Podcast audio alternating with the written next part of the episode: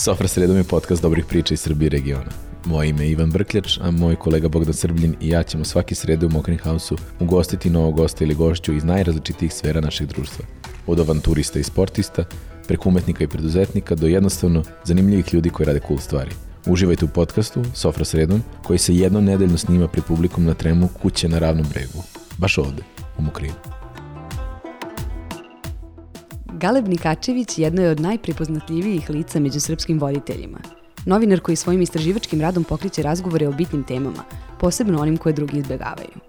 Studirao je književnost, organizovao brojne koncerte i festivale, dok je široj publici postao poznat kroz rad na televizijama Metropolis i MTV Adria. U poslednje vreme prisutan je kao zaštitno lice srpskog ogranka Vajsa, velike svetske medijske platforme koja mu pruža mogućnost izražavanja kroz pisanu reč, kao i dokumentarni video format. U svojoj bogatoj karijeri intervjuisao je mnoge poznate ličnosti, a sada će se naći na drugoj strani razgovora kao gost Sofre Sredo. Pre svega, Galebe, hvala što si došao i dobrodošao. I e, drago mi je, prvi put, je tako? Tako je, ovaj, pre svega a, hvala na pozivu. Nema čemu. A, baš mi je drago što sam ovde, prvi put sam u Mokrinu, a, prelepo vam je ovo, ovaj prostor ovde, baš sam razgovarao malo pre s tvojim drugarima, ovaj, zanima me ceo ovaj koncept, kako je nastalo, kako je napravljeno. Pričat ćemo sve, ovaj, Baš dobro izgleda, baš mi je veliko mi zadovoljstvo da sam ovde. Moja supruga je go, pričala o Mokrinu već neko vreme i stalno je imala tu temu, želi da poseti, želi da vidimo, želi da poseti, želi da vidimo i nismo imali kad i kako. I ovaj poziv je legao bukvalno ono savršeno i da dođemo i da prespavamo i da se upoznamo sa ljudima Super. i da, e, sjajno, I hvala eto. puno vama. Nadam se da je prvi od mnogih i svi su sigurno dra svima je drago da si tu. Ovaj, onima koji slušaju, eh, kako bi sebe predstavio? Sad mislim, zato što tvoj... to je najveći problem, znaš. A, nekako, ne, s jedne strane, mislim da nije fair ni, ni prema jednoj profesiji ukoliko bih se vezao za nju, zato što ja zapravo ni jednu profesiju nikada nisam obavljao savesno i odgovorno do kraja. Ovaj, ja sam ti nekako kao turista u, u, u životu, znaš, a, i zanimaju me različite teme i onda kada me zanima neka određena tema, ja joj se posvetim baš, ali me to prođe i onda pređem na neku drugu. Ovaj, Mogu da se poistovetim s tim. da, tako da, tako da nisam uh, stručnjak, ja mislim, ni za jednu oblast zaista ovaj, u životu. Studirao sam književnost, to je moja prva i najveća ljubav. A, muzika, kultura u s- najširem mogućem ovaj, značenju, teorija kulture i ono, svi prateći kulturni, subkulturni, podkulturni elementi, kako god želiš ali život uopšte kao takav, ali znaš, ne bih se usudio da nazovem sebe novinarem, ne bih se usudio da zovem sebe autorom, ne bih se usudio da zovem sebe dokumentaristom ili nečim drugim, ali nekako sam od svega toga pomalo. Pričali smo sad pre nego što je, smo krenuli da snimamo, kako si u principu počinjao da ste Da. svi zajedno, svi okupljali, gde ste se okupljali? Pa pazi, a, počeci u Beogradu, verovatno kao i bilo gde drugde, su u suštini um, nekako to počinje u gradskim krugovima. I odakle počinje? Ku- kultura se nekada konzumirala drugačije. Da bi saznao nešto novo, morao si zapravo, kao što sam malo prepominjao, da ustaneš, da se obučeš i izađeš iz kuće. Da bi čuo nekakvu novu muziku, morao si da sačekaš radio 9 sreda, ako propustiš, nisi čuo novu muziku. Morao si da odeš i da u klub da bi čuo neku novu stvar. DJ je bio bog. Onaj lik što ti priča preko pesme na, na radijskoj emisiji, mrziš ga ako govori preko pesme, onda snimamo istu kopiju pesme gde se prvi 20 sekundi čuje nekakav rajski glas. Ovaj, morao si da odeš u to vreme, pošto pirata, pirati su bili svuda, nije bilo originalne muzike, u suštini se kupi, morao si ono ispred SKC-a na Berazu da odeš i tako neka mesta i da izdvojiš neku lovu, da kupiš gomilu neke muzike, što poznate, što nepoznate i onda to preslušavaš. I onda su bila zborna mesta, pošto nije bilo mobilnih telefona i ti nikakvih sredstava komunikacije i onda je prosto postojalo opšte poznato mesto gde se, ne znam, petkom okupljaju reperi, gde se okupljaju metalci, gde se okupljaju ovi ili oni. I onda u zavisnosti nekako kojoj subkulturi pripadaš, ti svakog petka se zaputiš pa si tamo, znaš. Mhm. Kogoda je tu, novi ljudi, upoznaš nove ljude, neki stari, blejš sa njima. I život je bio dinamičan na taj način. Ovaj, I prosto to kretanje i ta konzumacija kulture je iziskivala dve stvari. A to su trud i vreme. Danas se konzumacija kulturnih matica radikalno promenila.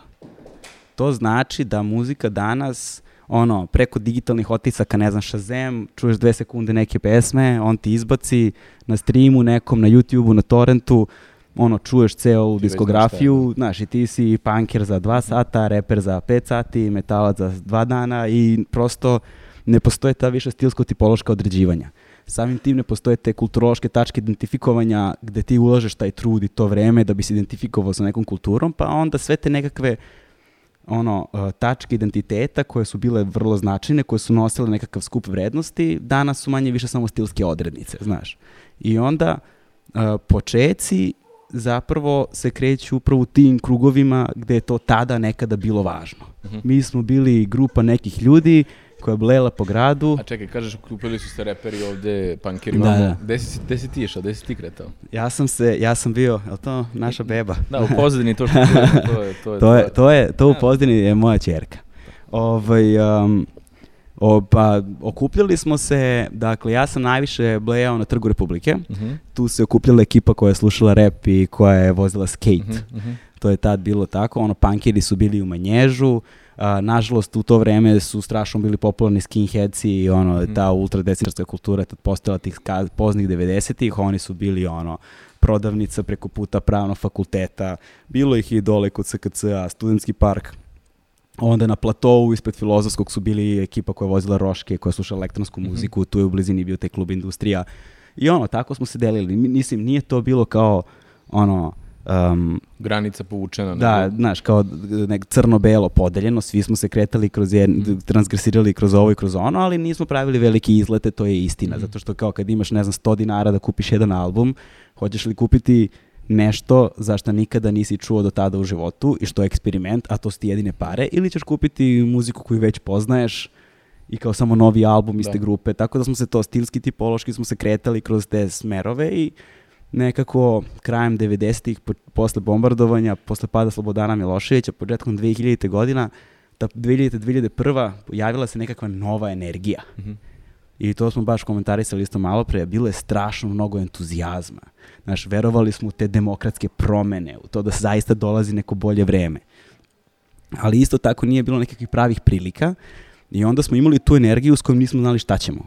Baš je bilo mnogo te energije i onda svi ti ljudi koji su se tako okupljali po gradu, počeli su nešto da stvaraju, znaš, Mhm. i svi nekakvi danas već pop kulturni fenomeni kao što su Bad Copy, Prti BG, ne znam, Marko Nastić, ovi, oni, to, je, to je sve neka muzika i neke grupe koje su nastajale baš tada, ranih 2000-ih, tu na tom potezu u centru grada. Mhm. M, Većina ljudi koja tebe, tebe zna nekako, mislim, evo, bar ja počinjem iz Mhm. svog, znamo te nekako sa MTV-a, sada Da, da. sa, sa Vice-a. Da. On, ono što mene baš interesuje, ti si znaš, ono, da tako dve neke medijske, u tom trenutku MTV zaista oblikuje našu kulturu donekle. e, Bio je tu za, da. u zalasku polako, ali jeste, Ali bio je da. važan tada, da. A Vice je sada tu nekako na nekoj okosnici. Vice je novi MTV.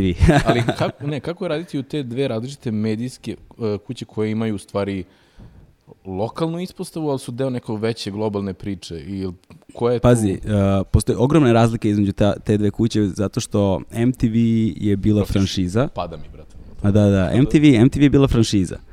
I uh, funkcionisala je po principima franšize s, s time da um, MTV kada se pojavio bio je taj takozvani MTV, taj, kao, oni to Mhm. zovu 1.0, znači Da. kao prva verzija MTV-a koja je bila tamo 82. godine koji je bio jedan jedini, jedna jedina Mhm. MTV stanica. Onda se pojavila MTV druga verzija, to je kao američki MTV i onda ostatak sveta, pa se onda pojavila treća varijanta MTV-a, ovaj, koja se pretvorila u regionalne, ono, nemački MTV, francuski, znaš, to, Da. različite zemlje sveta i onda se pojavila ta četvrta verzija. Četvrta verzija je ta u koju sam ja uleteo, nakon koje se sve ugasilo, a to je bilo da će sve MTV stanice van Sjedinih američkih država biti iste. Mhm. I ovaj, sećam se da je tada nekakva glavna dizajnerka ili kreativna direktorka MTV-a dala otkaz tako što je poslala svima svim zaposlenima na celom svetu u svih 200, ne znam, 30 i koliko kancelarija, ono, mail sa McDonald's sa znakom i kao mali TV, ono, naš, na, na, sa strane. Uf. I ovaj, a, problem je u tome bio što je to početak formatizacije muzike. To je ono sa čime se suočavamo danas kada recimo slušamo radijske stanice. Znaš, nemaš zapravo diverziteta, nemaš drugačijosti na, raz, na radiju. Na radiju imaš ono, ne znam, 20 istih pesama koje se vrte po ceo dan u krugu, tim Mhm. heavy rotacijama, ono, i u to, sad te rotacije su posebna priča. Ali, A što misliš recimo da je to tako? Konkretno, na primjer, zašto u Srbiji ne postoji usko vezana stanica koja je vezana za regije? Nemam pojma. Zašto misliš da ne jednostavno zato nema... što, prosto zato što ono, ne postoji biznis model po kojem bi to bilo isplativo. Prvo, s jedne, s jedne strane smo užasno malo tržište, Dobro. Tako da jedna stvar je kada imaš u Americi 7 miliona ljudi koji bi slušali samo to, Mm. ovdje imaš 7 miliona ljudi ukupno za sve. Dobro. Znaš, tako da ovaj, to je s jedne strane, a s druge strane a, prosto u kulturu se nije ulagao novac. Znaš, Mhm. u Srbiji se godišnje 0,5% budžeta godišnje izdvaja za kulturu. znači 0,5. Od Da. čega 80% novca ide na održavanje ono, Postojeća infrastruktura. postojeće infrastrukture, to jest uh, plaćanje struja, komunalije i tako dalje. Mhm. Samim time, ono, ono što su bili kulturni centri ili sile osovine mladih i kreati- što bi trebalo da su kreativni, kreativne dinamike u našoj zemlji, prosto su prestale to da budu i svode se na rentanje prostora zarad koncerata, a s druge strane ti isti prostori uh, po svojim statutima se uglavnom vode kao uh, kulturno-obrazovne ustanove, što znači da imaju slične statute kao škole Da. i onda ne mogu recimo da drže šankove da prodaju pića i nemaju ni mogućnost zarade. Svi su se pogasili, kroz ovakve onakve ono procese, to je sad već o- druga tema i na kraju do Beogradu imaš samo dom omladine koji opet nažalost ne proizvodi ništa. Dobro, ajde, a kako je sad, koja je kontra tu u Vajsu? Znači, kako izgleda E, pa, rad u Vajsu? Da, pa rad u Vajsu izgleda drugačije zato što nismo na tom principu franšizirani, nego je to više nešto što, sad kao izvinjavam se zbog svih nekih ono, e, stranih izraza anglicizama i Da. to prosto tako mi je lakše jer komuniciramo stalno tako. E, to je nekakav content pool, dakle to je nekakav zajednički sadržaj koji je u razmeni konstantno, što Mhm. znači da mi ne plaćamo, ne tražimo nekakve posebne dozvole za uzimanje njihovog sadržaja, samim tim to važi i za naš sadržaj takođe. Što znači da veliki broj naših autora ovaj, sve što radimo, sve što je ole značajno se prevodi automatski na engleski i odlazi u taj nekakav bazen u kome se sadrži kao svi sadržaji iz celog sveta, u kome takođe postoji određeni softveri, CMS-ovi kao na, na osnovu kojih se vidi šta je kako čitano, gledano, popularno, kakvi su sadržaji i onda kada te nešto zanima ti lako možeš da pronađeš i onda iz bilo kog dela sveta to nešto da uzmeš. Samim time čim se ta platforma pojavila, veliki broj naših autora se automatski pojavio ono u Japanu, u Meksiku, u Francuskoj, u Španiji. Znaš, prosto I jedan od njih si ti, je li tako? između ostalog, da. I samim tim a, to je jedna strašna mogućnost razmene i odlična odskočna daska za ono, nekakve CV za odlazak dalje. I s druge strane u CV-u ti stoji da se radi za Vice, a ne da se radi za Vice u Srbiji. Znaš, Mhm. prosto velika je razlika on, u tome Mhm. kada odeš na globalne njihove YouTube kanale koji imaju 10 miliona subs- subscribera i tako dalje, ti ćeš tu videti sadržaj Srbije i toga ima dosta. Mhm. I tu su svi komentari na engleskom jeziku. Znači, naš sadržaj, naši ljudi uspevaju da prodru na nekakvo međunarodno tržište i s druge strane, bez nekakvih preteranih poteškoća, mi sav sadržaj koji inostranstvo nudi, koji ceo svet nudi, možemo da dobijemo ono, free of charge Da. i samim tim dolazi do te kulturne razmene koja je užasno važna i to je ogromno bogatstvo ovaj, posebno u ovom medijskom pejzažu, pejzažu koji imamo danas, znaš, na televiziji pogotovo.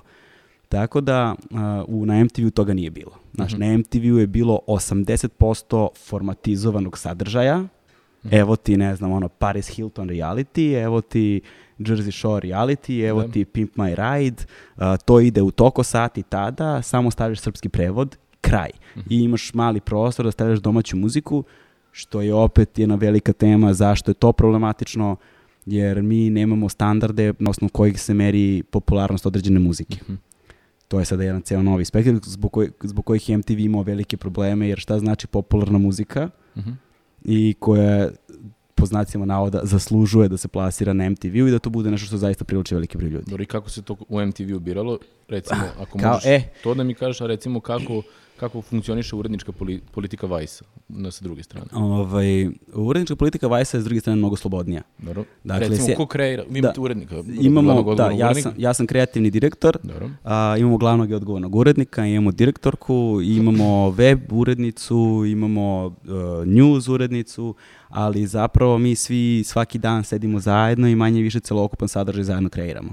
Svako se pita, svako može da kaže, svako može da kaže, e, mislim da to nije okej, i ako kaže neko to nije okej, to onda neće biti ovaj, pušteno ili ćemo naš, preispitati zbog čega se to dešava. A, Znači, ne- tako, tako izgleda ono što mi vidimo recimo na portalu. Da. To je neka kolektivna odluga nekog tima. u Tako je, svi, deo. svi imamo uvid u sav sadržaj. Mhm. Dakle, svi imamo uvid u sav sadržaj i svako ima slobodu i osjeća da ima slobodu da se izrazi. I s druge strane, ono što mislim da je važno, svako ima pravo na grešku. Dobro. To, je, to mislim da je beskreno važan deo procesa stvaranja svakog čoveka a, i posebno mladima danas. I ono što nam je isto beskreno važno jeste da nije toliko bitan, ako je uopšte bitan, recimo CV ili, znaš, ljudi mi, ljudi me pitaju, e, kako mogu da pišem za Vice, kako mogu da uradim ovo ili ono, im kažem, pa, brate, pošalji mi mail i daj mi nekakve tri teme koje su ti zanimljive.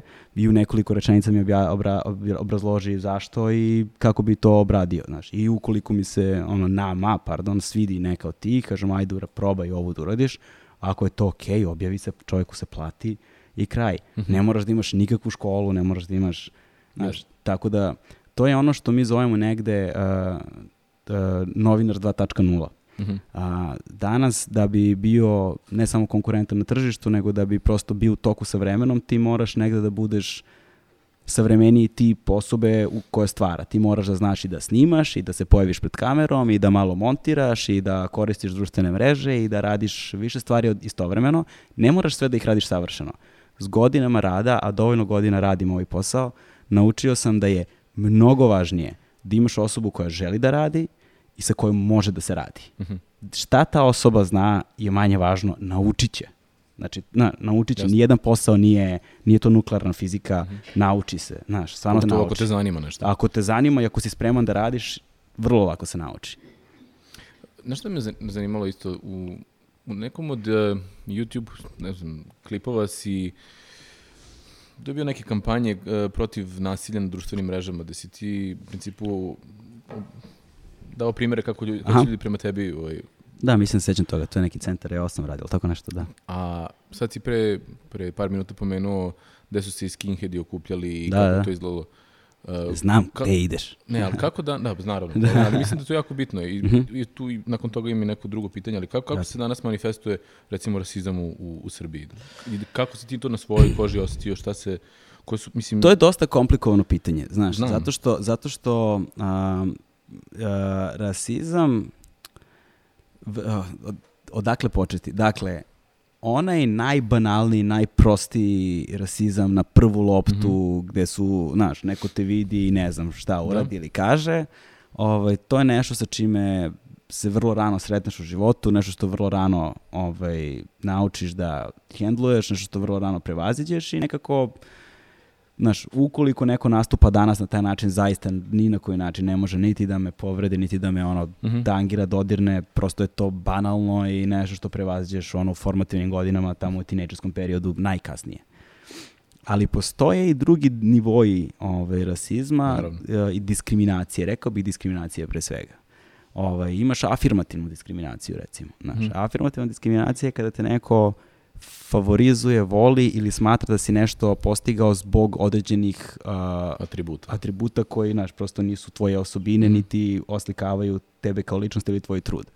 Znaš, kada sam se zaposlio, ne znam, na MTV-u, na konkursu među 3.500 kandidata, ljudi su rekli, a pa Melez, naravno, kao ti si, Prepoznatljiv je, to da. je to, kao, znaš, naravno će tebe zaposle. To što sam možda jedini umeo da držim mikrofon na tom prokletom konkursu i što sam imao šest i po godina radnog iskustva i što sam zapravo se iscimao ono ko konj, razumeš, da bi bio tu gde jesam, to više nije važno, znaš.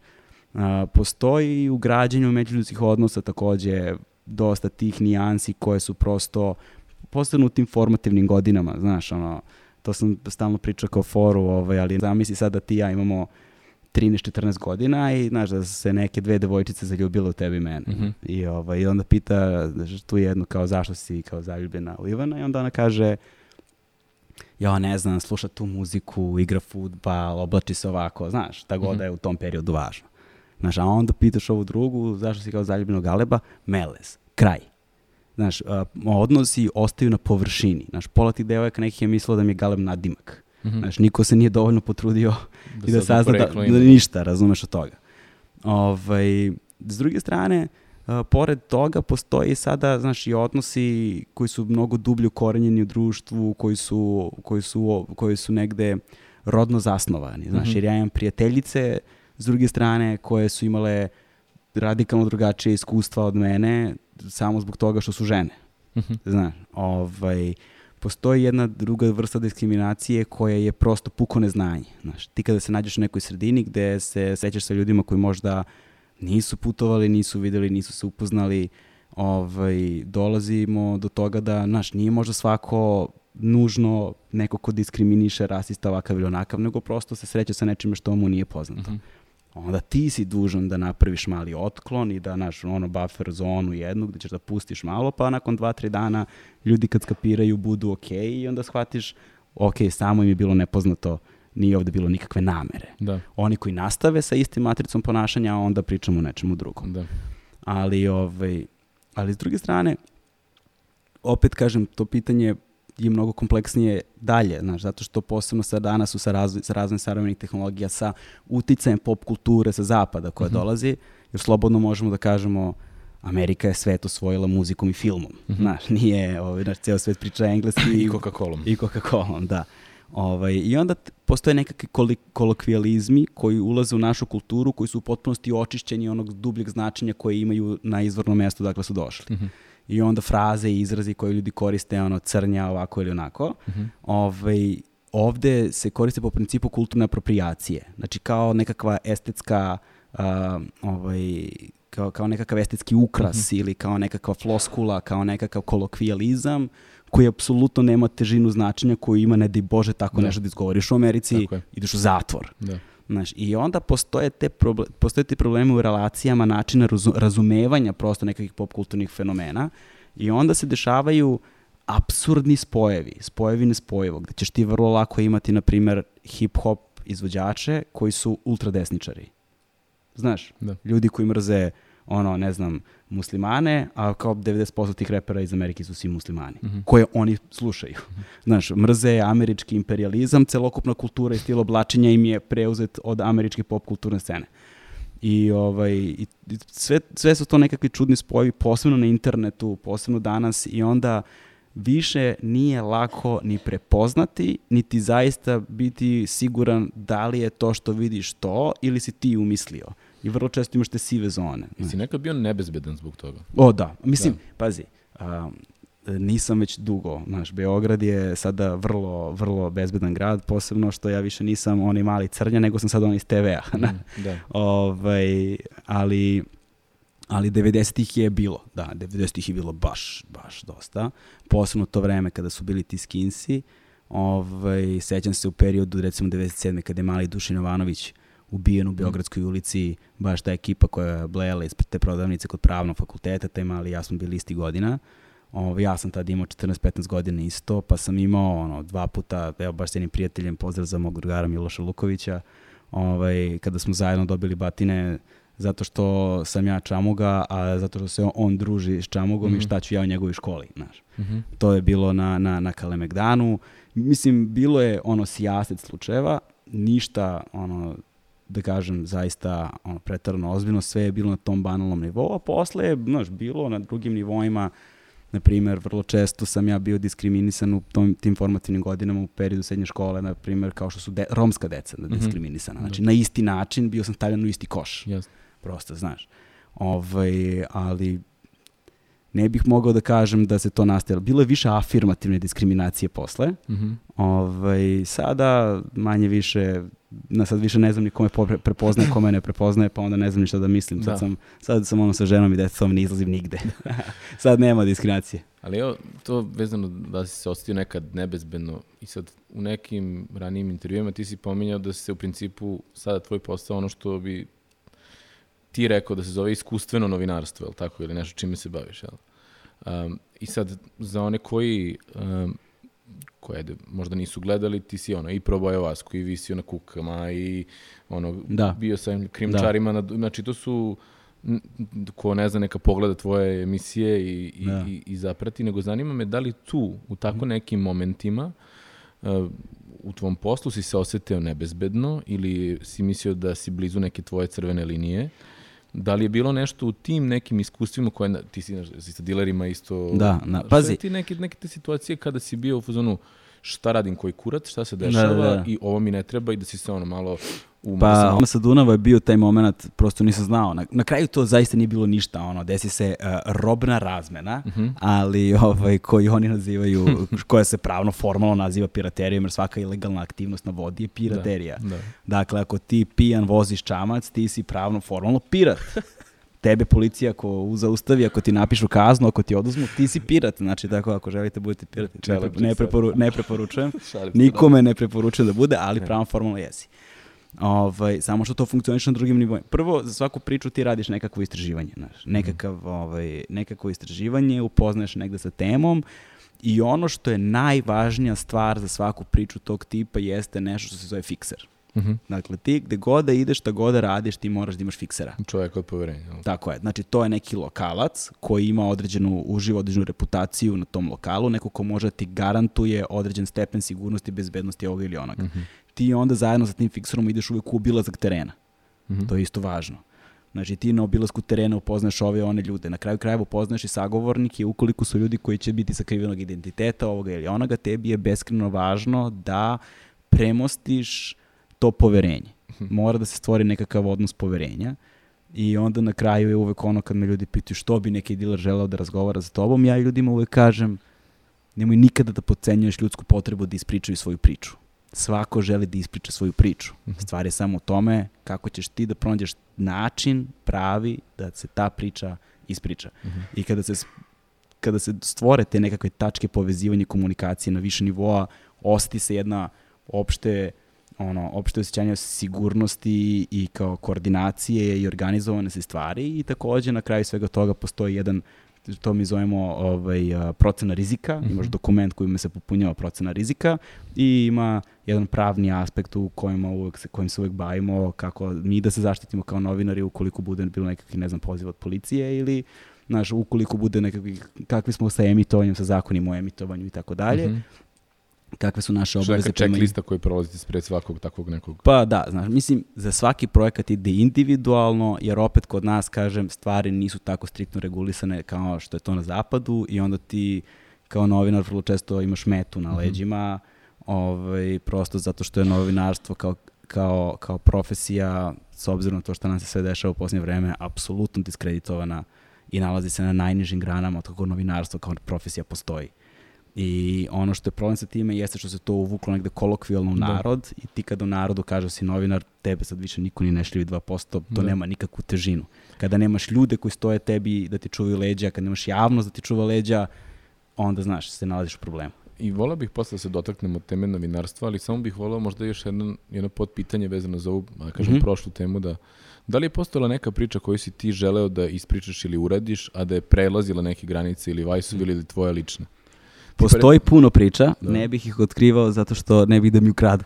Dobro. Ovaj ne, ima ima zaista odličnih priča, a, velikih priča, važnih priča, ali oni nažalost iziskuju, to je sada jedan problem ono prekar, prekarijatskog rada. Mhm.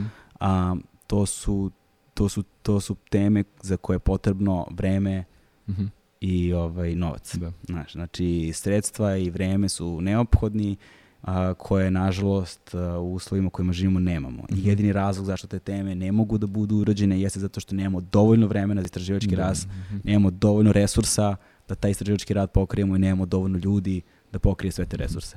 Tako da, eto, to bi recimo bio, bili ključni razlozi zašto neke teme nisu videle svetlost dana. Ali nema ništa što bi mogao da kažeš, ovo je nešto što sam hteo da radim, međutim zbog, Ima moj- zbog mojih standarda ili zbog standarda moje kompanije, to ni, nećemo i nismo uradili. Hm, to nemamo. To To, ne- nemamo, to zaista nemamo. Dakle, stvari u tome, ti izneseš temu, raspravljamo kako tu temu možemo da obradimo. Nikada ne počinjemo toga, ovo ne može, šta će nam ovo? Ne, mislim kao možda ste došli do kraja, neko kao imali ste ideju, išli ste u razradu nekog koncepta i onda nek, shvatili ste da se U to krši Srbiji je- sa vrednostima nekim vašim ili ličnim ili kompanijskim. Da, Ne, ne može, ne, e, svaka priča je vredna Okay. toga da bude ispričana. Ti treba pronađeš način na koji ćeš da ispričaš. Mhm.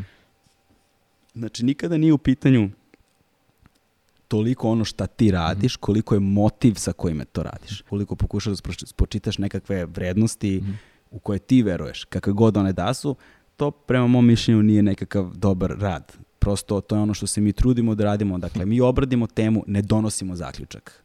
Dobro. Znači, mi ne donosimo sud, ne donosimo zaključak. Snimali smo i ono, ultradesničare i fašiste, i snimali smo i ultralevičare i komuniste, snimali smo i ono, ljude sa svih spektra i svih slojeva, ovaj, svih od kriminalnih miljeja ovoga onoga.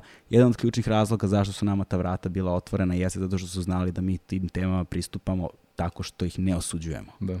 Jer ljudi, ako ti njih osuđuješ, a priori ti zatvari vrate, i onda možeš da najedeš na prepreku. E sada, tvoje je samo da ta priča bude izbalansirana, tako da pružiš što je više moguće podataka na osnovu kojih će gledalac moći da donese nekakvu Da. odluku. Biti potpunosti objektivan je nemoguće. Da, naravno.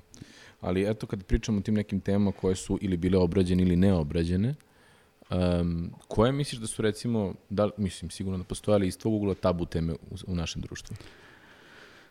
Šta je ono nešto što čemu mi ne možemo da pričamo ili, ili jednostavno se... Mi zapravo ne možemo da pričamo vrlo jednostavnim, banalnim temama, a kamoli nešto drugo. Znaš, kod nas je mentalno zdravlje tabu tema, kod To nas je recimo je jedna od onih koje ja mislim da je prva. Znaš, kod nas je seksualno zdravlje, ono, tabu tema, seksualno obrazovanje, u odgoj, uzrast je tabu tema, kod nas su a, tabu teme sve što ne spada od nekakvu paradigmu takozvanih vrednosti.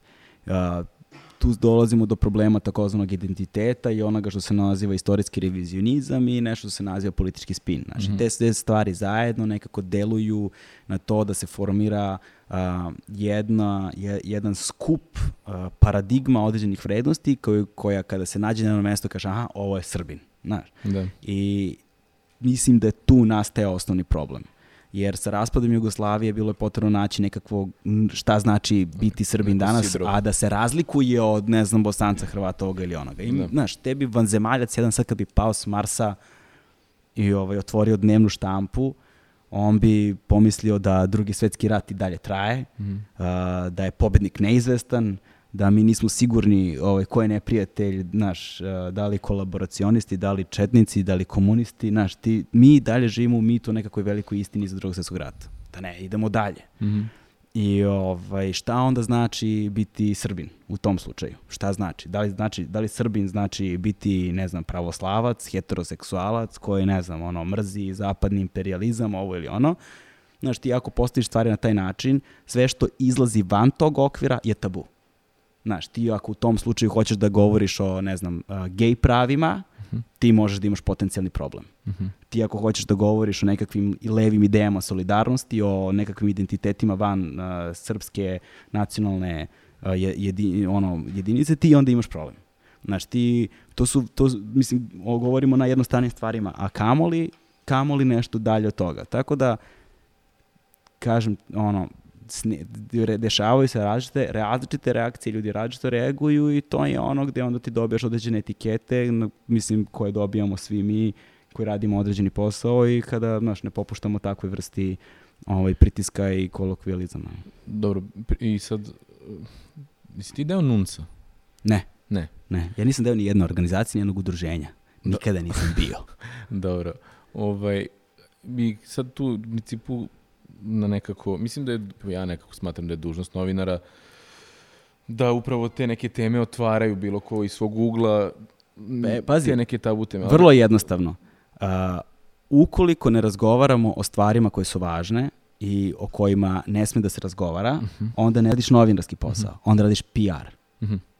I to je upravo ono e, što sam te da te pitam. a, kako ti vidiš, mislim jasno mi je koje je tvoje mišljenje i koje je vjerojatno mišljenje većine nas o, o, o stanju novinarstva, u, novi- u novinarstvu u Srbiji danas, ali ima li nekog, e, i bi bar iz tvog ugla, e, puta van, van tog nekog beznađa? Puta uvek ima, nije problem u I da tome... li misliš da li si optimističan povodom Nije toga? problem u tome da li put, a, put postoji. Da. Problem je u tome ko je spreman tim putem da ide. I jel nima ko je I spreman? ima ko je spreman. Dobro. Ima ljudi koji su spremni. Problem je u tome što mi živimo u jednom vrlo zatvorenom medijskom sistemu, u jednom, to je sad onaj deo vreme spina, u kojem ti nemaš medijske slobode i nemaš uh, izvore informa- informisanja kojima možeš da veruješ. Dobro. Znaš, a s druge strane, uh, na internetu imaš uh, talase trendova koji izlaz, izbiju na površinu, ali ti ne možeš više da znaš ni da li njima možeš da veruješ šta je to pouzdano, šta nije. Jer nemaš ni jednu sigurnosnu tačku koja je nekakav izvor za koji možeš sa sigurnošću da tvrdiš da ovo je apsolutna istina. Dobro, evo Vice, na primjer, ima neki kredibilitet u tom polju, ili tako? Da, u nekim poljima imamo kredibilitet, prosto u nekim nemamo zato što nemamo resurse da ga imamo. Znaš. I kako Na primjer, mi recimo- se, mi, izvim što te prekidam, na primjer, mi se trudimo da se bavimo newsom, vestima, što više možemo, ali mi prosto nemamo redakciju vesti, mi imamo dve osobe koje se bave vestima, a redakcija vesti broje Da. ono desetine ljudi, reportažna kola, zna, mislim, infrastrukturu, vreme i novac, ali koji mi nemamo, ali se trudimo koliko možemo da pokrivamo sadržaje koje možemo. Dobro, i kada govorimo o, o novcu Mhm. konkretno, uh, i opet je to u mom nekom modernom, mislim, internet svetu je o koliko klikova, koliko viewova. Kako se vi recimo tu kotirate To je užasna komercijalno? matematika, to je užasna matematika i to je, ja mislim, jedan, to je jedan od ključnih problema u svetu medije i novinarstva danas, uh, za koji se, ono, nadam da će nekako taj poslovni model da se prevaziđe u skorije vreme. Dobro. Za one koji ne znaju, problem je u tome što sekunde kada je neko kliknuo na naslov je trenutak kada je čing čing lova je Da. legla. Šta se iza tog naslova nalazi, to više nije važno. Može da bude ono error 404, nije važno, lova je legla. I ovaj... Ali vi recimo ukoliko imate ono Mhm. koliko ljudi provode, mislim imate statistiku koliko ljudi Tako provode na vašem da. sajtu, koliko na posebnoj stranici, koliko stranica klikću, vi Da, možete da ne koristite možemo- tu metriku da, da reklamirate nekim oglašivačima, Da, kažete, um, hej, pogledajte. Razlika je u tome što ovaj, mi svakako nemamo saobraćaj kakav, na primjer, imaju mnogo veće medijske kuće. Mhm. Znaš, znači, ne znam, recimo najpoznatiji medijski portali. Da, Znaš, okej. da ih sad ne imenujemo. Oni za sat vremena u toku jednog prepodneva naprave veći sa, promet sadržaja nego što mi napravimo za mesec dana. Mhm. Tako da finansijski mi apsolutno tu ne možemo da se borimo.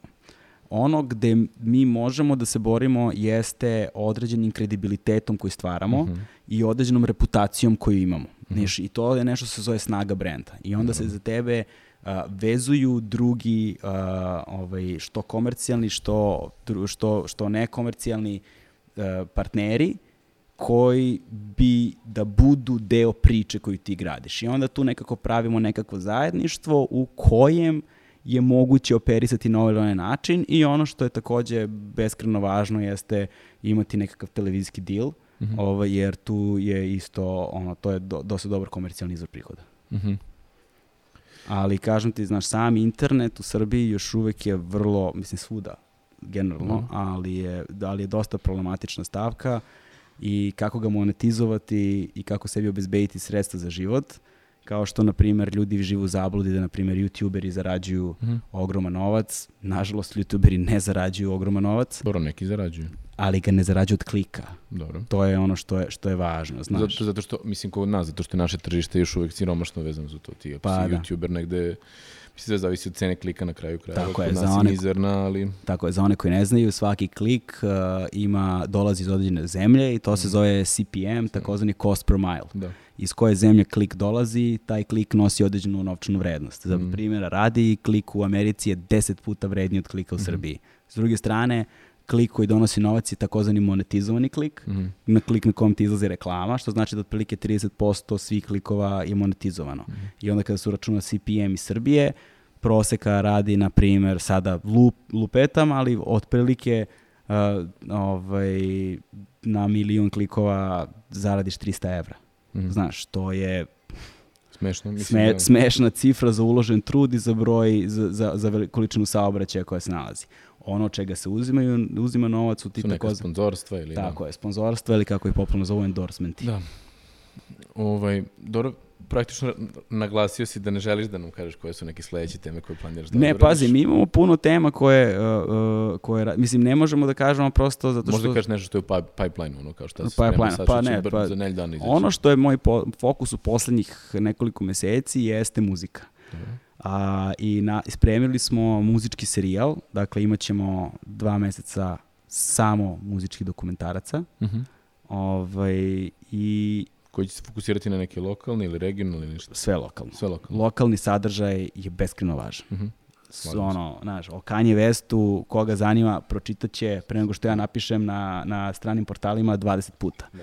Stvar je u tome da se bavimo lokalnom zajednicom, jer a, Kad kažeš lokal, šta to znači? To BG, Srbija, region, Jugoslavija? Region, prosto ovo govorno područje prvenstveno. Mhm. I kultura koja nam je svima zajednička. Um, raz- razlika je u tome što, ne znam da li si primetio, ali o muzici je prestalo da se govori. Muzici je odavno prestalo da se govori. Prvo su iz štampanih medija nestale recenzije. Potom su počele polako da se gase top liste nekakve, a to je tek problematična stvar, te top liste. Da li si znao da od, ras, od, jug- od, uh, od kraja drugog svetskog rata, Dobro. od 1945. godine na ovamo, Dobro. nikada, niti jedan jedini put nije postojala tržišno relevantna top lista u Srbiji. Nikada. Nikada. Nikada. Nijednom. Nijednom. Na osnovu čega onda mi merimo šta je popularna muzika. Znaš, to je ogroman problem. Na osnovu čega se formiraju pop vertikale, na osnovu čega se onda formira alternativna kultura, na osnovu čega se dele i na koji način, da ne počinjemo tantijenima Da. za autorske i srodna prava i tako dalje. To su, ve- to su veliki problemi. Danas je to lagano trending na YouTube-u i to je to. Da, ali ti u To Srbiji, ali ti u. Srbiji, Ti u Srbiji, ti u Srbiji, tebi se YouTube ne računa kao, kao merilo popularnosti preko Sokoja.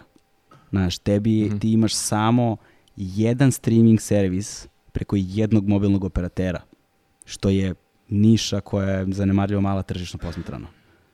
Znaš, prenosači zvuka se ne prodaju. Kako se, kako se deli novac, na ko osnovu čega mi određujemo šta je popularno. I onda, s druge strane, postoji drugi problem.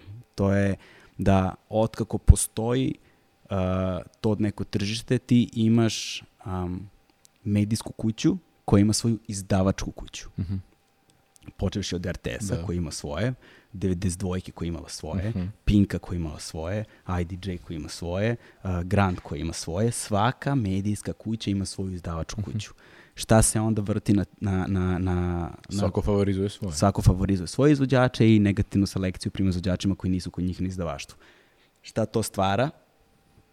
To stvara mikroklimu na svakom od medija gde takozvanom nazovimo to kao eufem- eufemizam kulturnom politikom određenog medija se formira šta je popularno. I onda Mhm. imaš top listu na nekoj televiziji gde svih top 10 izvođača zajedno ne mogu da prodaju 500 karata na nekom događaju. Znaš, kako je to top lista i na osnovu čega su oni na toj top listi.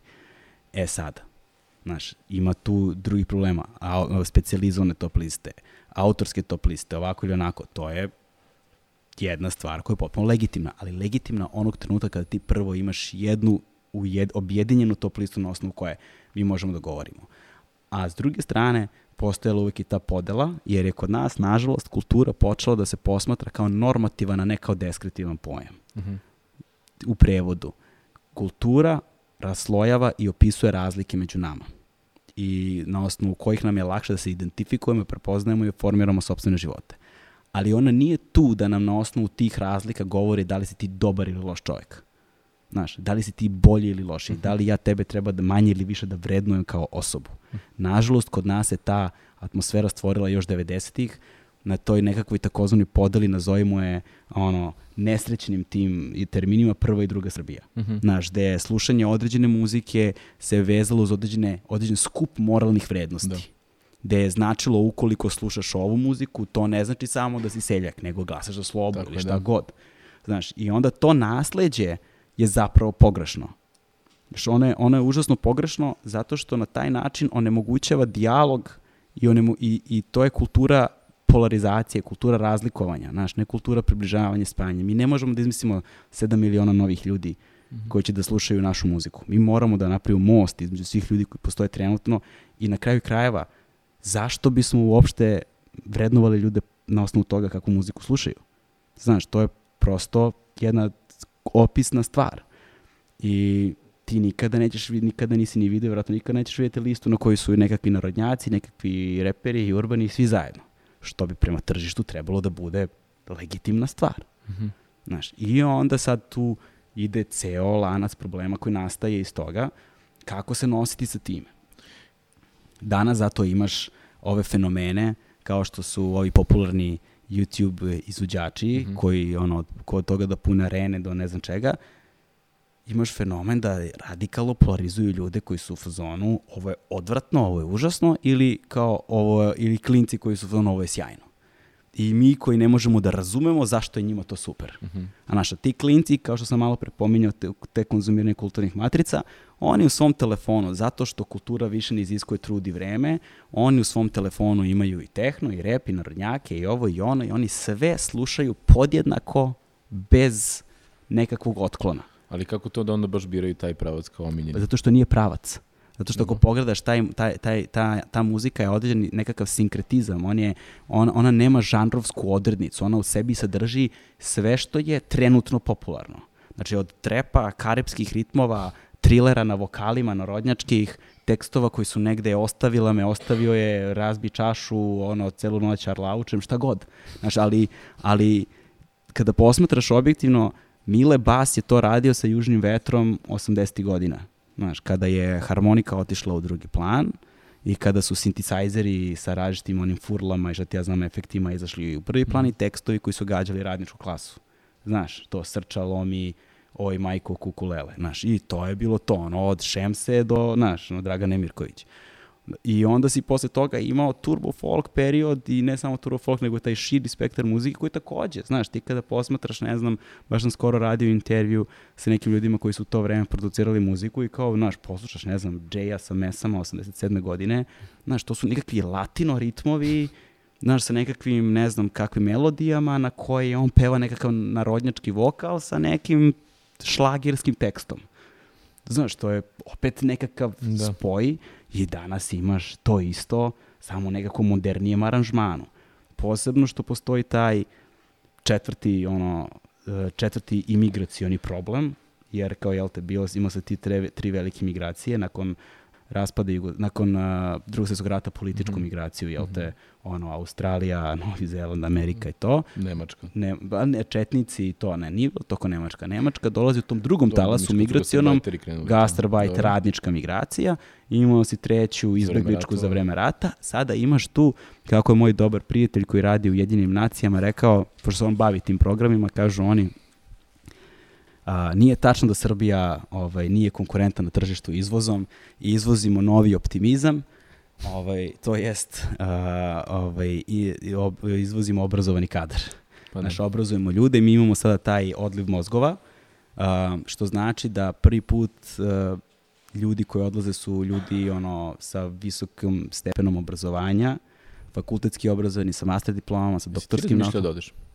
Apsolutno jesam, da, ali nikada nisam zaista do kraja to, nisam nikada zaista verovao to. Ja sam jedan od onih koji veruje da ovde treba da se ostane po svaku cenu. Ja se tu slažem. Znaš, da ovde treba da se ostane po svaku cenu i ovaj, na kraju krajeva možeš da odeš negde preko i da postaneš uvađeni građanin te zemlje i da dobiješ sva moguća društvena priznanja u toj zemlji, ali uveče kada spavaš sanjaš o maternjem jeziku. Mhm. I ja sam jedan od onih koji kada otputuje negde, posle dva meseca mi je već muka, ne mogu više, ja poludim od nostalgije, znaš. Ja imam potrebu da se vratim, Ja ja, volim svoj kraj. bio, ja sam devet godina bio na polju i Gde si bio? srednja škola Švajcarska, faks, London, Kako je u Španija. Švici, brate? Ma, Ful je u Švici. E, to vidiš, to je po- pop kulturni fenomen, Ja razumeš? sam, vidi kako ti kažem, u mojim srednjoškolskim danima, kad je to bilo, ja sam mentalno bio pravi gastarbajter. Ja sam brojao dane, minute kada ću se vratiti. E, ali vidiš, ali sad imaš ogroman problem identiteta mladih koji su rođeni u tim zemljama. Ti sada imaš klince koji imaju na leđima istetoviranu kosovsku devojku, Mhm. ono, boj na Kosovu, razumeš, ceo motiv, nikad nije bio u Srbiji. Nikad, da, a, a, nikad nije bio, a tek što nije bio na Znaš, a s druge strane, negde će uvek biti građani drugog reda u tim nekakvim radničkim naseljima okolini Frankfurta, Hamburga, ovamo ili onamo, koji sedi u školi gde, ne znam, ti klinci imaju nekakav tak, tački identifikovanja, gde slušaju nekakve nemačke izvođače koji su ovakvi ili onakvi. Znaš, Ovo nisu živi getoizovano tamo. Mislim, ali, ne on, svi, ali... ali zato oni kada čuju nešto to, znaš, to ima šmek Rijane, šmek, šmek Mhm. ne znam, Drejka, šmek ovoga ili onoga na srpskom jeziku Mhm. i da to ima ono 100 miliona pregleda na YouTube-u, znaš, to je njima užasno važno. Mm. To je njima užasno važno. I samim tim, istina je da donekle ono, dijaspora kreira sada kult, ono, nekakve kulturne matrice i način na koji se konzumira kultura ovde, Mhm. zato što je to prosto publika koja ima novac da plati. Mhm. Znaš, i, ali onda taj novac dolazi ovde koji stvara jednu drugačiju atmosferu. Sada se polako prvi put, upravo zbog toga, pojavljuju muzičari koji mogu da žive od muzike. Mhm. Znači, i s- nisu lopovi, nisu kriminalci, nisu nikoga lagali, nisu nikoga prevarili, ništa od svega toga se nije desilo. Ljudi koji su mlađi od 30 godina, koji zarađuju ogromne pare od muzike i koji tu mu- te pare dalje prosleđuju klincima sada. Generaciji gle- dece od ono 18, 19, 20 godina koji pod njihovim patronatom zaista mogu da ne brinu što će sutra da jedu, pokriveni su. Mhm. To je užasno važna stvar. Formiranjem te pop vertikale mi onda možemo da govorimo o nekakvoj alternativnoj sceni. Jer da bi alternativna scena bila alternativna, ona mora da bude alternativna u odnosu na nešto. Nešto, da. Znaš.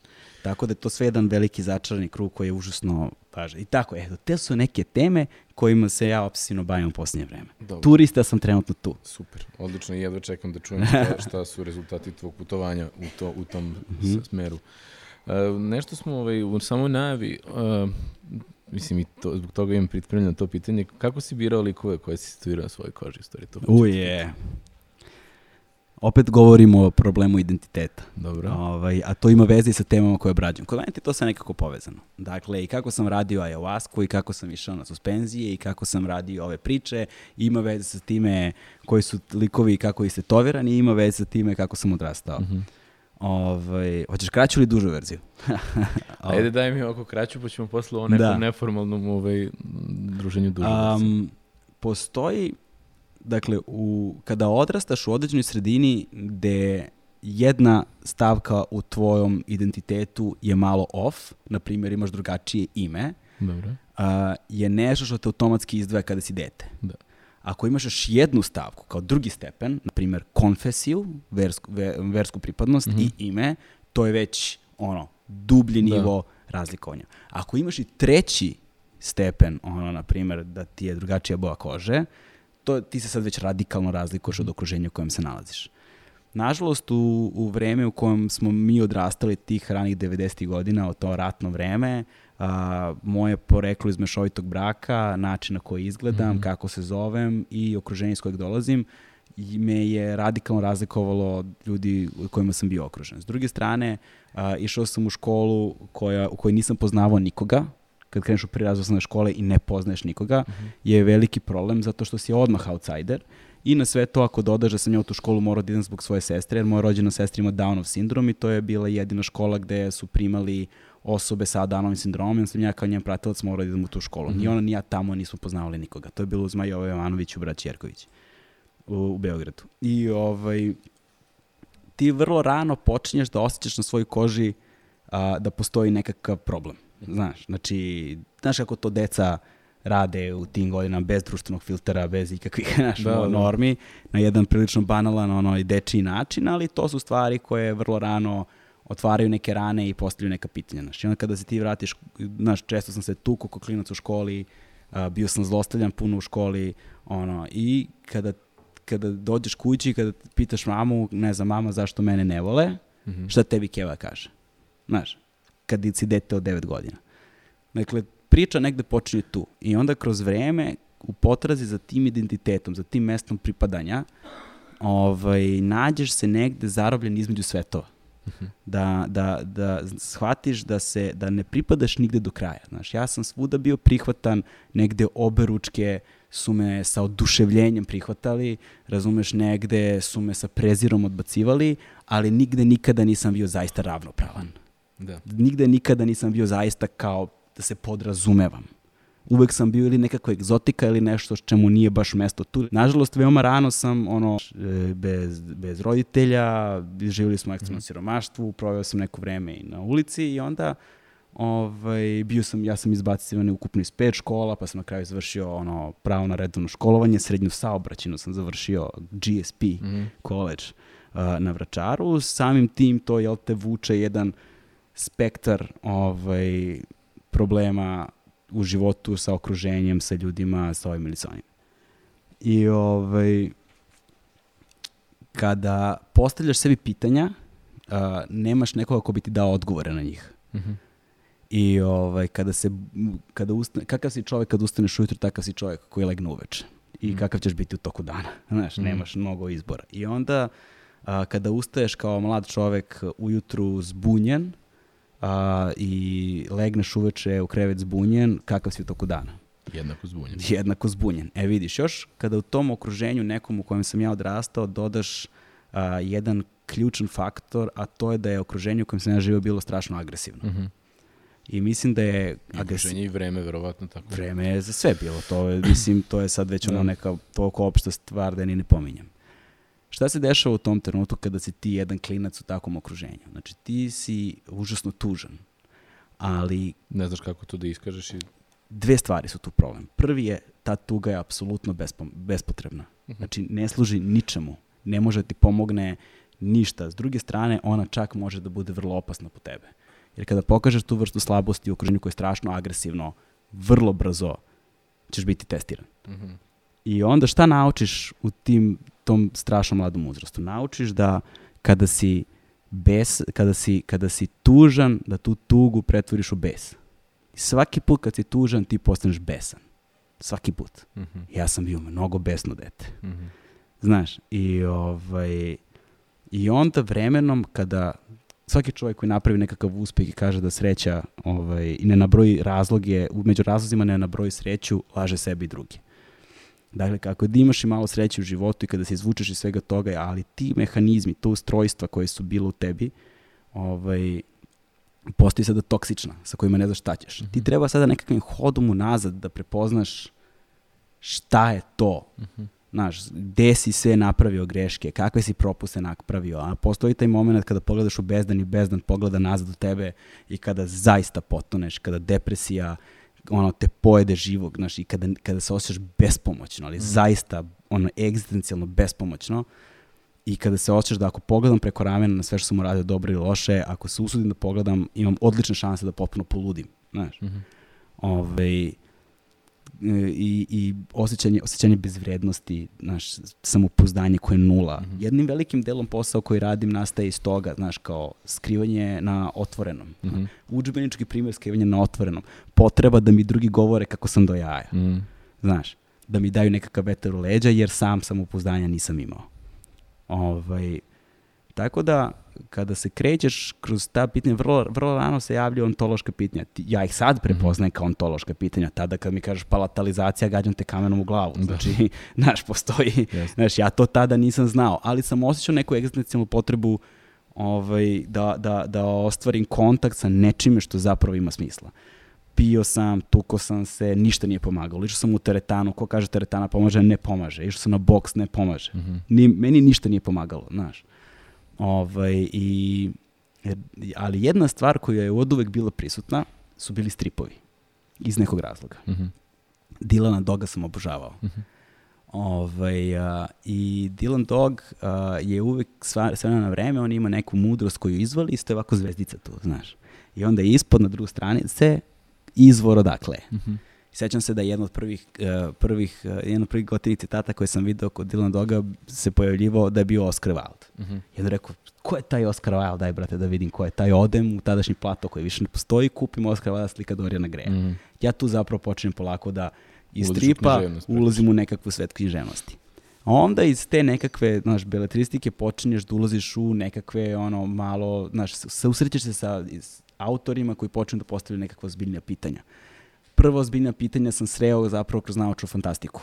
Sa Arturom Clarkom sam se zapravo prvi put susreo sa pravim ontološkim pitanjima kroz popularnu kulturu. Zato je popularna kultura užasno važna, između ostalog. Zato što može običnom čoveku da približi teme koje su inače rezervisane za jedan elitni sloj društva, za jedan akademski sloj društva. I, ovaj, I Arthur Clarke je bio ulaz u nešto ozbiljnu književnost, preko njega sam upoznao Stanislava Lema, kad sam pročitao Solaris, to mi je promenilo život, pa sam onda se upoznao sa likom i delom Filipa K. Dicka, onda mi je, ono, Filip K. Dick me oduvao, znači načisto me oduvao, Ovaj, prvi roman njegov koji sam pročitao je bio je Tecite suze moje reči policajac i ono, pocepao sam se na pola, sam se prepolovio. Vrlo zanimljivo liku, glavni lik u delu je novinar, odnosno TV, TV vojitelj. Ne, igra, igra, igra sudbine, reci ti meni. I onda je bila jedna žena koja mi je mnogo pomogla, a, koja mi je spasila život kada sam imao 15 godina. I ovaj, ona mi je dala tada jednu knjižicu na poklon i u pitanju je bila, bio roman Glad norveškog Nobelovca Knuta Hamsuna. Mhm. Roman koji govori o neimenovanom liku, koji je pričan u po, ispoved, koji je ispričan u testimonijalnom ovaj, izrazu u prvom licu jednine, dakle, a, tako da ti ostvara puno tačaka za povezivanje, koji je, by the way, isto novinar, ovaj, i koji prolazi ogromnu krizu gladi kroz uh, norvešku zimu u vrede, vreme velike inflacije. To je inače njegov prvi roman, on je zbog tak, tog romana i kasnih dela bio ovenčan Nobelovom nagradom koja mu kasnije oduzeta zbog nekih drugih kontroliznih stvari već sa njegovim životom, ali to je druga tema. Druga tema, da. I, ovaj, Mislim, jer tema i dalje tvoje tetovaže. da, da, jeste, da. Tako da, tako da ja me andiram puno, tako da ćeš morati malo ozbiljnije da se potraži da me vraćaš na temu, ali znam da znam, nisam izgubio tok. Znam. A, tako da, a, Knut Hamsun me, mi je, ono, i dan danas eno imam kod kuće, posebno čuvam a, prvo izdanje Knuta Hamsuna na srpskom jeziku Mhm. s početka 20. veka, koje ne znam koliko vredi, ali to je nešto što je, koje sam dobio od nje na poklon s tom ženom koja mi je bila nastavnica u školi, sam i dan danas prijatelj, ono, kada sam se ženio, bila je na svadbi, mo, bila je na našoj svadbi i ovaj, koji dugujem jako puno toga u životu. Ja nju kad kažem, Dragana, hvala ti puno što si mi toliko pomogla, ona meni kaže, džabe sam ja sejala ako zemlja nije bila plodna. Ovaj, e, a, kada, sam, kada sam počeo da se tetoviram, Uh, to je u početku bila neka cool stvar. Kasnije sam ja skapirao da je to zapravo bila ono emotivna kompenzacija za svoju emotivnu Da, da te nezrelost, a onda sam a onda sam istetovirao sve pisce koji su mi bili važni u životu. Tako. Da. I to je, no, to se pokazuje si na ruku, ili to na, ruk, na cijeloj Da, rukavu da, se ce, nalazi? ili- ce, celom rukavu su pisci, a, među kojima i Philip K. Dick i Arthur Mhm. Clarke, između ostalog, tako da tu su ti pisci koji su mi značili puno. I imam preko celih grudi isto ovaj, a, a, motiv iz Homerove Ilijade. Mhm. A, imam celu desnu nogu, imam, mislim imam puno tetovaža. Da. Imam puno cveća, najviše cveća imam, koji kebana. Ovaj, imamo sad neka pitanja koje su ono nekako, rekao sam ti ja još na početku, ono, copy with pride, tako da krademo, ono, taj bullet round je to u fazonu četiri pitanja koje postavljamo svim gostima. Samo napred. I prvo pitanje je koja je tvoja neka rutina ako imaš kad ustaneš? Ja ustajem svako jutro u pet, Svako jutro. svako jutro ustajem u pet, a, treniram u šest ujutru, a, doručkujem nakon toga i onda idem na posao. Strava. Koju knjigu si najviše puta preporučio ili poklonio nekome? Glad Knuta Hamsuna. Ali, a, znaš ako, u posljednje, posljednjih deseta godina a, mnogo čitam američku savremenu prozu Mhm. i mislim da je američka savremena proza trenutno najbolja književnost koja postoji na svetu. Mhm. Otvoreni smo za polemisanje, ko želi. Nisam ljubitelj skandinavske književnosti, iako sam Mhm. veliki ljubitelj Knuta Hamsuna. A, ali, a, tako da posljednjih recimo dve, tri godine ono, masovno preporučujem svima Jonathana Frenzena, Adama Hazleta, Mhm. a, ovog um, Eugenidisa, ne znam, to su znači Iana Mekijana, znači to su neki američki pisi koje je stvarno, ali pre svega Jonathana Frenzena i Adama Hazleta. Ah, ima tu sa početka 20. veka jako puno isto američkih pisaca, uvek Arthur Clarke, uvek Philip K. Mm. Dick, uvek kao kruna naučne fantastike Stanislav Lem, jedini pisac naučne fantastike koji je uspeo se otrgne od stilsko-tipoloških odrednica žanra i da stvori zaista visoku kvalitetno Mhm. umetničko delo. Ovaj, um, a, Dobro, ne, to je to, okej. Okej, Mislim okej. da je to dosta. Da, da. dobro, dobro, da. Da sad držiš predavanje, na primjer TEDx predavanje, iz koje teme bi bilo? A da nije tema kojom se baviš ti inače ovako, da nije Da. inače muzika i to, da nije nešto čime se inače baviš, nego nešto što je ono, tvoj neki interes ili moj, hobi. moj, da, moj, moj interes je vrlo jednostavan, to je ovaj, mit o potrazi. Dobro. Dakle, uopšteni tem. Najstarija priča na svetu je mit o potrazi. Mhm. Čovek od kako postoji, on traga. Da li prostorno, da li unutrašnja potraga. I Ali, to, to bi bilo tvoja tema. da, da, jer moj ceo život je zapravo mit o potrazi. I šta je nešto što misliš da većina ljudi, čak i ljudi bliski tebi, ne znaju o tebi? Ha. A, da sam zapravo vrlo povučen. To verovatno... Mislim, ne znam, evo, ako se spolja, ja se danas upoznam, ali ovako Da. ne, ne delaš mi tako. Znam vrlo da, si ekstrovertan. vrlo sam ekstrovertan, još jedan primjer užbeničkog skrivanja na otvorenom. Jasno. Ljudi ne znaju da živim prilično zdrav život, a, da ne izlazim nikad Mhm. nigde i da ne patim od toga. Jedino na koncerte, to je Mhm. velika ljubav su mi koncerti, kad god mogu postim koncert, ali zaista kad god mogu da odbijem poziv da odem negde, ja odbijem. Dobro. S tim da je onda ovo velika privilegija što sam tu. Hvala ti, ne, hvala ti puno na tome. I um, još jedno pitanje koje ne postavljamo svim gostima, a to je koji savjet je dao Novak Đoković? da, ne, ne, Jo. skoro si radio intervju sa njim. Jesam, da. Ovaj, a, a, nije mi dao nikakav savet. a, tako? Ja sam nekako, čuo drugačije. nekako smo, nekako smo, ovaj, a, ne znam, ono, a, Novak Đoković me je prijatno iznenadio. A, mislim, a, sad za ljude koji me dobro poznaju imam dužnost da ovaj, pomenem jednu stvar, a to je da ja imam a, u strašno rigidan odnos i negativan prema profesionalnom sportu. Dakle, a, ne volim profesionalni sport. Iz kao zdravstvenih razloga šta to radi sportistima Ne, ili iz, zbog et, iz komercijalizacije? etičkih, šta? etičkih moralnih razloga, znači s, s- profesionalni sport sa svoje, svih aspekta poslovanja smatram uvredom za ljudsko dostojanstvo. Dobro. I ovaj, sport kao takav volim, sportove volim, znači i mislim da su veoma dobri, ali, znaš, recimo, futbol je divan sport, ali ako posmatramo FIFA kao organizaciju, ne horor, Da.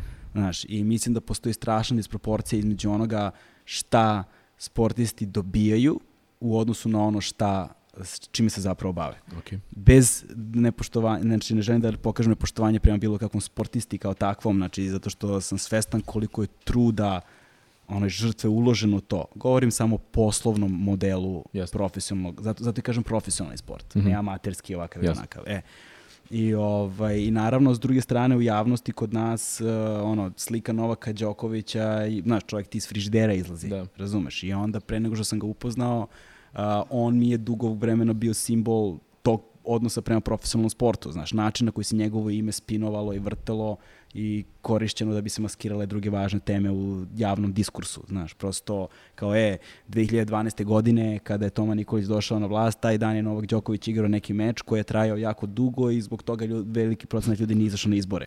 Znaš, ono, Da. to je za mene važna tema, Mhm. znaš, i ovaj, kada sam ga upoznao, nisam, ni kada smo se upoznali, nisam očekivao to su sada moje predrasude. Da. sada moje, mo, to su sada moje predrasude za koje sam apsolutno kriv.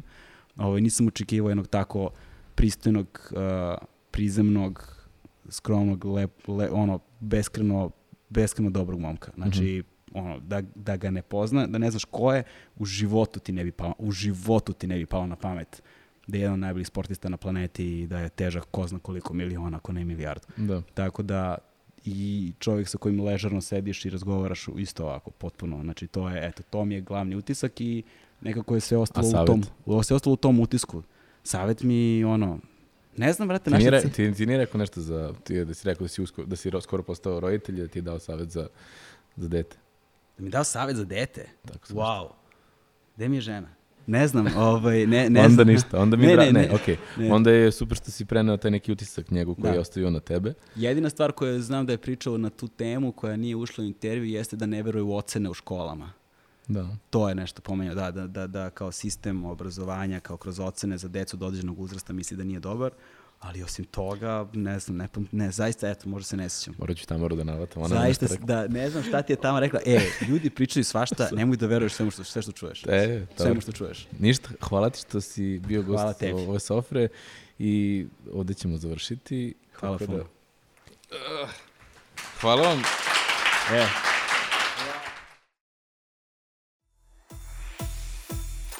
Ovaj podcast je produciran od strane Mokrin House tima. Za organizaciju i logistiku zadužena je Tamara Radan. Branislava Brandić je radila na dizajnu i montaži. Nikola Cvijan je tehnička podrška, dok je Tamara Kojić konceptualni konsultant. Epizode vodimo Bogdan Srbljin i ja, Ivan Brkljač. Zapratite Sofra sredom podcast kanal i ocenite nas na vašoj podcast platformi. Čujemo se sledeće srede sa novom dobrom pričom.